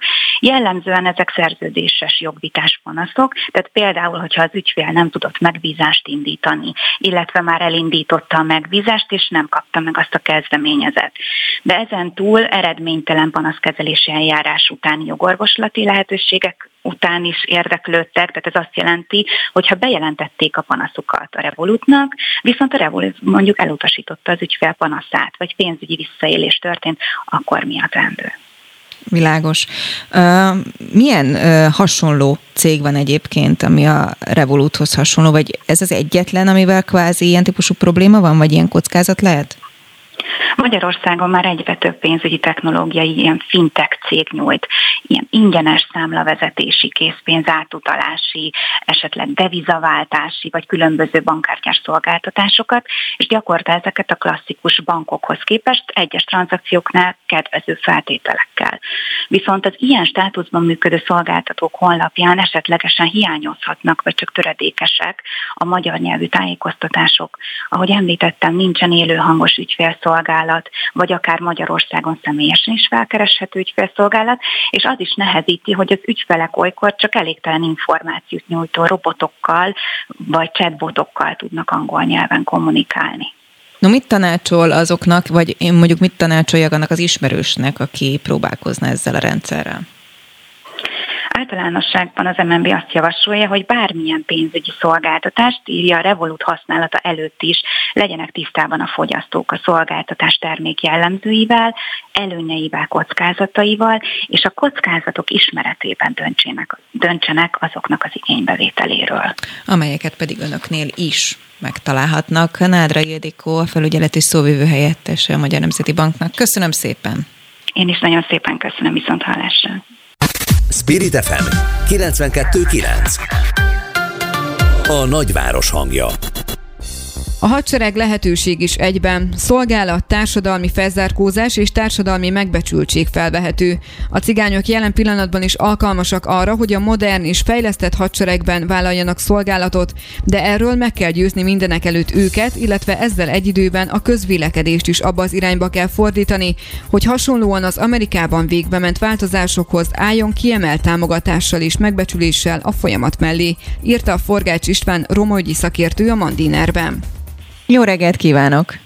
Jó reggelt kívánok, üdvözlöm a hallgatókat. Izgalmas kérdést vetett föl, illetve ez a, ez a cikk pláne nagyon időszerű, nem csak azért, mert mondjuk egy háború van a szomszédban, vagy mondjuk azért, mert egy nagyon komoly hadsereg fejlesztésben van Magyarország is, hanem ámblok mondjuk felzárkóztatásról próbálnak beszélni, vagy pont nem beszélni mondjuk kormánypártok vagy ellenzéki pártok. Hogyan látja, honnan jött egyáltalán az ötlet, hogy foglalkozzon ezzel, hogy a hadseregben mi milyen szerepe lehet a romáknak?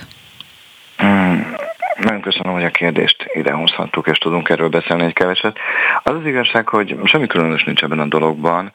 Általában véve a közfeladatellátás, vagy bármilyen közszolgálatnak a felvállalása, abban való részvétel, az a világ bármely pontján általában egy nehezebb társadalmi helyzetben lévő csoportnak lehetőséget kínál arra, hogy jobb helyzetbe kerüljön, illetve hogy a többség megbecsül, megbecsülését ki tudja vívni.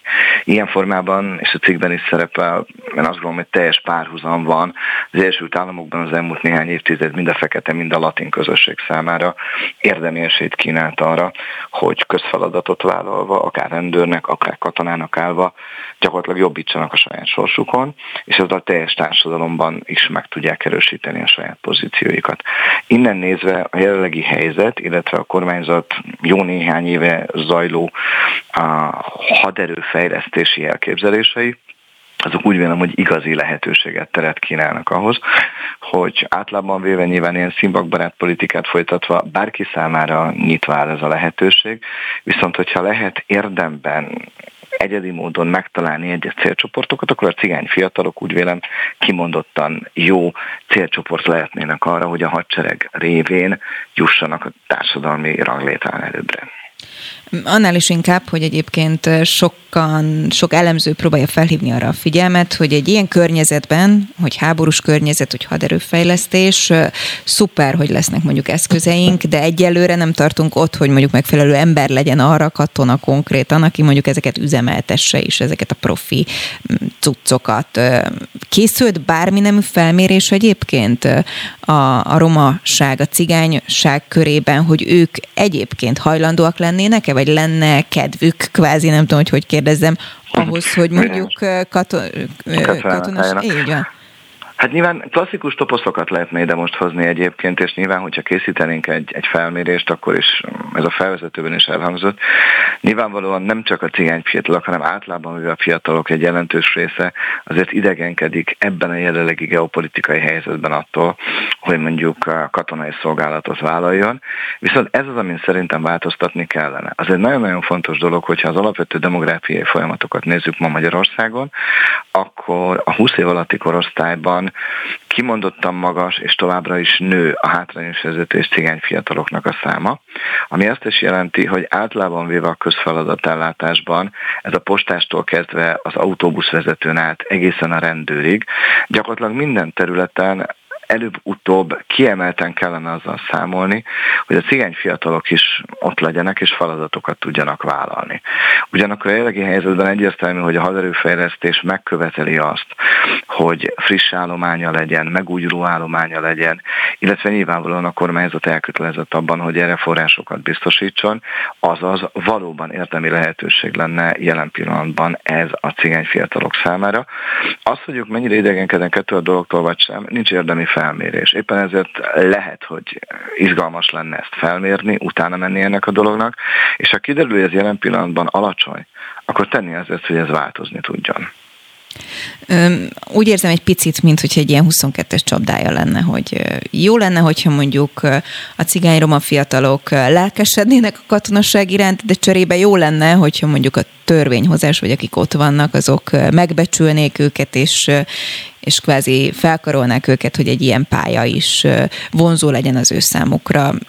Sok bába közt elvész a gyerek, nem? Mi, mi lenne az első nem, lépés? én azt gondolom, hogy hát az első lépés az az, hogy tehát, egy, kicsit, egy kicsit szerintem ki kellene lépni abból a megközelítésből, hogy, hogy a hadsereg nyilván mindenkit vár, természetesen nincsenek kvóták, nincsen pozitív diszkrimináció, ez teljes mértékig rendben is van. Viszont, hogyha egy nyírbátori cigány soron a cigány fiatal nem tudja, hogy miért érdemes katonának állni, akkor ő hozzá el kellene vinni ezt az információt, és akkor lehet, hogy könnyebben meggyőzhető lenne ő arról, hogyha a honvédség a lakhatást, kiszámítható jövőképet, karriert, egyebet kínál, akkor neki miért is kellene olyan iskolába mennie, ahol esetleg majd olyan tudást szerez, amivel katonának állhat, illetve hogy hogyan érezze mindemellett akár esetleg azt a felelősséget is, amit ő a saját hazájáért tudna felvállalni.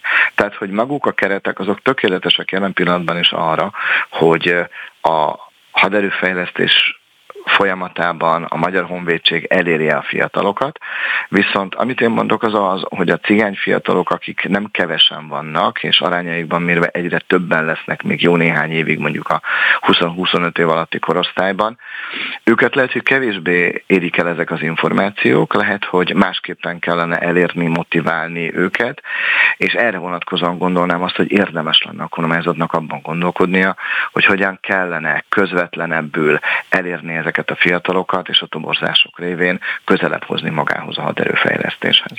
Hát sikerült szerintem felhívni a rá figyelmet, legalább ezen a fórumon biztosan. Forgács István Romai szakértő, nagyon szépen köszönöm, hogy Én köszönöm a lehetőséget. Szép napot!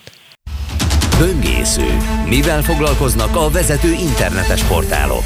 Hogyan találnak egyes híreket? Mire kattintanak a legtöbben? Böngésző. A Spirit FM reggeli műsorának online lapszemléje. Címlapsztorik, értekezések, izgalmas információk. Böngésző. Hazafi Zsolt szerkesztővel. Jó reggelt kívánok! Szép jó reggelt mindenkinek! Szinte hiányzott, hogy a múlt héten nem volt ilyen. Van válaszszál, hogy akkor melyik hírrel kezdjünk? Van három hír, szuper titkos, titkosítottam igen, 2036 07 08 Úgyhogy nem mondjuk el senkinek. Igen, a nap hírében uh, olvastam egy olyan cikket, ahol a nagy ő arról beszél, hogy hogy élni azt meg, hogy egy lelki hadviselést érez a kormány részéről vele szemben. Az atv.hu olvastam egy olyan cikket, ami arról szól, hogy mi az, amit vesznek, mint a cukrot a boltokba, és az Indexen pedig egy cia és hír, ami hát az örök életet, mintha megtalálták volna, hogy mi az örök élet, vagy legalábbis ráleltek egy olyan dologra, ami az örök élettel függ össze. Tehát van a nagy ő, van az atv.hu, meg van az indexes. Na, akkor kezdjük az atv.hu, hogy mit vesznek, és akkor mondom neked, ventilátor, dinnye, vagy ásványvíz. Nem, megindult a roham a napelemekért a rezsiemelés ja, hírére. É, viszont nagyon érdekes az a történet, mert ugye Gulyás Gergely azt mondta nemrég, hogy a kormány nem akar életvezetési tanácsokat adni az embereknek, ezért ők nem akarnak olyan programokat, mint Németországban, hogy tekerd le a termosztátot lejjebb, vagy a klímát, stb. Ehhez képest ebben a cikkben megszólal Font Sándor, aki a Fidesz parlamenti képviselője, és arról beszél, hogy hát érdemes takarékoskodni, biztos, hogy minden nap kell a mosógépnek mennie. Jó, ez, igen, ez... Várjuk négy-öt napig együtt vagy váljuk össze négy-öt napra együtt a mosó alkalmas ruhákat egy mosásra. Én nem tudom, hogy nagyon érdeklődve tenném fel a kérdést, hogyha még riporterként uh, tudnék odakint rohangálni, hogy egy ilyen doorstep-ben, ami már nem létező fogalom szerintem, hogy el lehet kapni képviselőket, és lehetett kérdezni tőlük, hogy elnézést, hányszor tett bemosást egyébként eddig Megmondom életében? Neked hogy nekem ez óriási kihívás mai napig bekapcsolni egy Ugye? mosógépet. Általában mert, a férfiaknak, ami nem gond, csak akkor nem kell ilyenről beszélni, hogy akkor várjak össze négy-öt napot, pusztán én nem tudom, hogy ő hogy van, mert ez lenne a másik kérdésem, hogy uh-huh. én mondjuk szeretek minden nap tiszta ruhába lenni, sőt, én még a pizsamámat is hajlamos vagyok cserélni egyébként naponta, mert egyszerűen jó érzés tiszta ruhába öltözni. No, de ez jó, költői kérdés volt. Akkor lássuk inkább mondjuk a, a nagyős cikket. Hát a nagyő, Molnár Anikó, megszólalt a tekintetben, hogy ő is itt a emelkedő árak miatt aggódik. Ő és, elég sokszor aggódik sok minden miatt. És azt írja, hogy számára egy lelki hadviselés, amit a kormány tanúsít, nem tudom, hogy miért, bement a fürdőszobába, felkapcsolta a villanyt, de annyira megijedt, hogy rögtön Saját lekapcsolta. Magától? Nem, attól, hogy lát nélkül is, és úgy gondolja, hogy ahol kell, ott spórolni kell. Amúgy azról is beszélt a nagy ő, hogy nem hitte el, hogy valahogy egy olyan világba fogunk élni, ahol a karácsonyfa izzót sporolási tipként fogják feltüntetni. Jó, én meg azt nem hittem el, hogy egyébként nagy ő tipjeiről fogok beszélgetni egy rádióműsorban. De a karácsonyfa izzó sokat fogyaszt? Szerintem nem fogyaszt sokat, de egyébként eljutunk majd arra a pontra, amikor minden sokat fogyaszt, és egy rettenetesen rossz embert kérdezel, mert én konkrétan ilyen hangulatvilágítás Már fán vagyok, vagy. de olyan szinten, hogy nekem például a könyves polcom, az egy régi létre, ami meg van csinálva, az egyik könyves polc, és az körbe van tekerve, ilyen karácsonyfa égővel, mert imádom a hangulatát, és az non-stop megy non-stop megy. És mi van, ha veszel ilyen gyertyákat? De azért is megy non-stop, mert én, hogyha felkelek éjszaka a gyerekhez, én nem, nem bírok vaksötétben ja, létezni. De a gyertya az olcsó, az nem fogyaszt energiát. Az is sokkal biztonságosabb is. No, uh, jó, gyorsan mondd az utolsót, mondani, hogy maradjon hogy a dézsire nagy, nagy ő attól is fél, hogy nem, nem lesz karácsonyfánk, mert el kell tüzelni. Jó. Na, Na mi az, az indexes gyorsan? A CIA vezetője szerint Putyin nem fog meghalni. Pont most néztem ezt a hírt.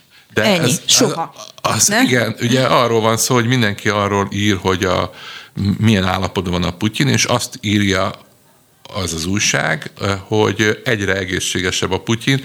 Erre az jutott eszembe, hogy lehet, hogy megtalálták valami örök élet tudod, De nem csak, hát tudod, volt, hogy azt mondják, hogy ő vámpír. Ezt nem hallottam Nem, még. ú, hát van egy műsorom egyébként, péntek esténként. Igen, igen. Itt igen, az Ostrom című műsor, igen. és akkor abba szoktunk ilyen, ó, nagyon jó vagy, műsor. és ebbe szoktunk egyébként ilyen bulvárhíreket is elővenni, és képzeljétek el, és közben köszöntöm a Dézsi Zolit is, neked is mesélem, hogy például az egyik ilyen bulvárhír az az, hogy igen, van olyan állítás is, hogy Putyin igazából vámpír, és hogy bizonyított tan, ugye, egyes kutatók szerint vannak olyan fotók több száz évvel ezelőttről, meg mint képek, meg nem tudom, amin ő áll ott, és igazából ő egy vámpír. És nem lehet, hogy UFO vagy gyíkember? Nem, majd ezt majd meg kell, majd holnap ezt beszéljük ki. Ürgebőrbe vart. Így van, üdvözlünk téged, ez Zoltán. Sziasztok. No, mi mindenről fogsz beszélni négy perc múlva itt. Hát azt kell mondjam, hogy ma topzódom a témák között, úgyhogy nem is tudom, kiket emeljek ki. Hát minden esetre a 75 éves Lukács Sándort mindenféleképpen, akit köszönteni fogunk, itt lesz majd velünk, igaz, csak telefonon. De itt lesz Mollár Piroska is, aki szintén a Halhatatlanok Társulatának örökös tagja, mert ő meg egy életműdíjat kap hamarosan, és hogy még egy színészünk legyen, Festbaum Béla, a Vígszínház művésze is a vendég lesz ma a bistróban, mert hogy... Sztárparádi, ezt hát Abszolút sztár, ez a nyári uborka szezon, ez nem uborka szezon igazi tűzijáték. Abszolút.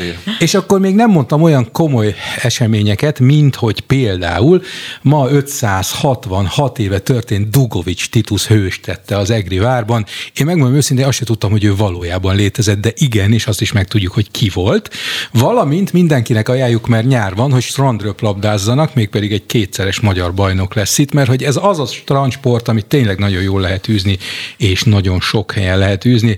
Szóval ne hadarjál, Képzeld, van. kivételesen van időd. Tényleg? Igen. Hú, akkor kérdez, mert most pont elmondtam mindent, amit akartam. A labdát azt tíztől háromig nem lehet, nem? A Semmit nem lehet. Akkor most itt hagy, hagy mondjam el, légy Jó. szíves, hogy ö, hát nem tudom, hogy ez loser dologa, vagy sem, vagy szerintem normális. Ahogy azt én már mondtam az adásban, vagyok olyan szerencsés helyzetben, hogy most éppen, illetve nézőpont kérése hajnalban a Balatonról jöttem föl, mert hogy kis családommal ott nyaralunk. Én meg, úgy nézem, hogy megszakítottam a nyaralást miattatok, hogy itt legyek, Szóval, hogy a lényeg az, hogy Bajcsról jövök föl, hmm. és figyeljetek, délután ötig konkrétan nem tudsz kilépni szerintem az apartmanból.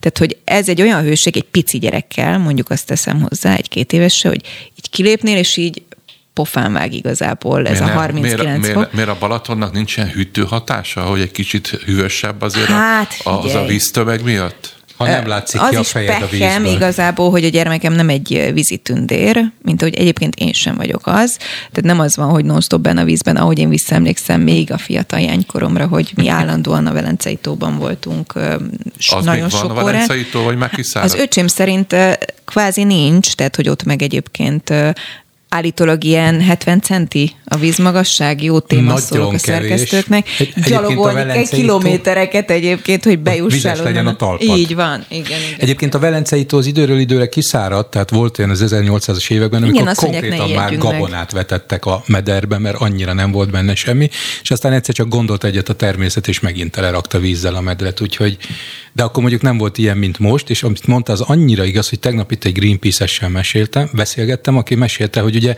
ő 75-ös születésű, gyerekkorában 30 fok volt, akkor azt mondták, hogy rekenő hőség, kánikula. Most ha 30 fok van, akkor azt mondjuk, hogy akkor még azért nem gomboljuk ki a felső gombot az ingünkön, mert megfázunk. A strandröpladától hogy elkanyarodtunk a környezetvédelemig a Greenpeace-nél Hoppá, bármiről Hoppá. bármire tudunk kötni. Bármi. De visszaadom a strandröplabdás kérdésre egy percben, nem okay. 30 másodpercben a válasz. Ugye az a szóval a, strand, lehet a, a strandröplabdát nyilván akkor, amikor árnyékban vagyunk és nincs nagy UV, de amúgy pedig minden rendes strandon van strandröplabda pálya, és mindenki, akinek megvan a két keze és a két lába, kipróbálhatja ezt a sportágat, és mindenkinek tetszeni fog, mert ez egy nagyon jó Én játék. kipróbáltam nemrég, de embertelen energia vámpír. Hát azt senki nem mondja, hogy a röplabda az, illetve sokan mondják, hogy a röplabda az egy, hát hogy mondjam, egy kevés mozgással járó sportág, de azok mondják ezt, akik no, eddig ezt nem szépen próbálták. kihúzom a hangotokat, ezt megbeszélhetitek adáson kívül, illetve hát majd ha Zoli végez, mert egy perc múlva kezdődik a bistró, úgyhogy átadom neki a stafétát. Én nagyon szépen köszönöm a figyelmüket, Hazafi Zsolt szerkesztő és Tóró Nikolett segédszerkesztő nevében. Kátai Kristófnak köszönöm a technikai segítséget. Még akkor is, hogyha szegény Lantos Krisztina stúdió vendégünket megszakítottuk egy kicsit a következő bejátszással. Legyen nagyon-nagyon szép napjuk, vigyázzanak magukra, 39 fok lesz egyes helyeken, úgyhogy aki teheti, maradjon hűvösben, ha így, ha úgy szép napot.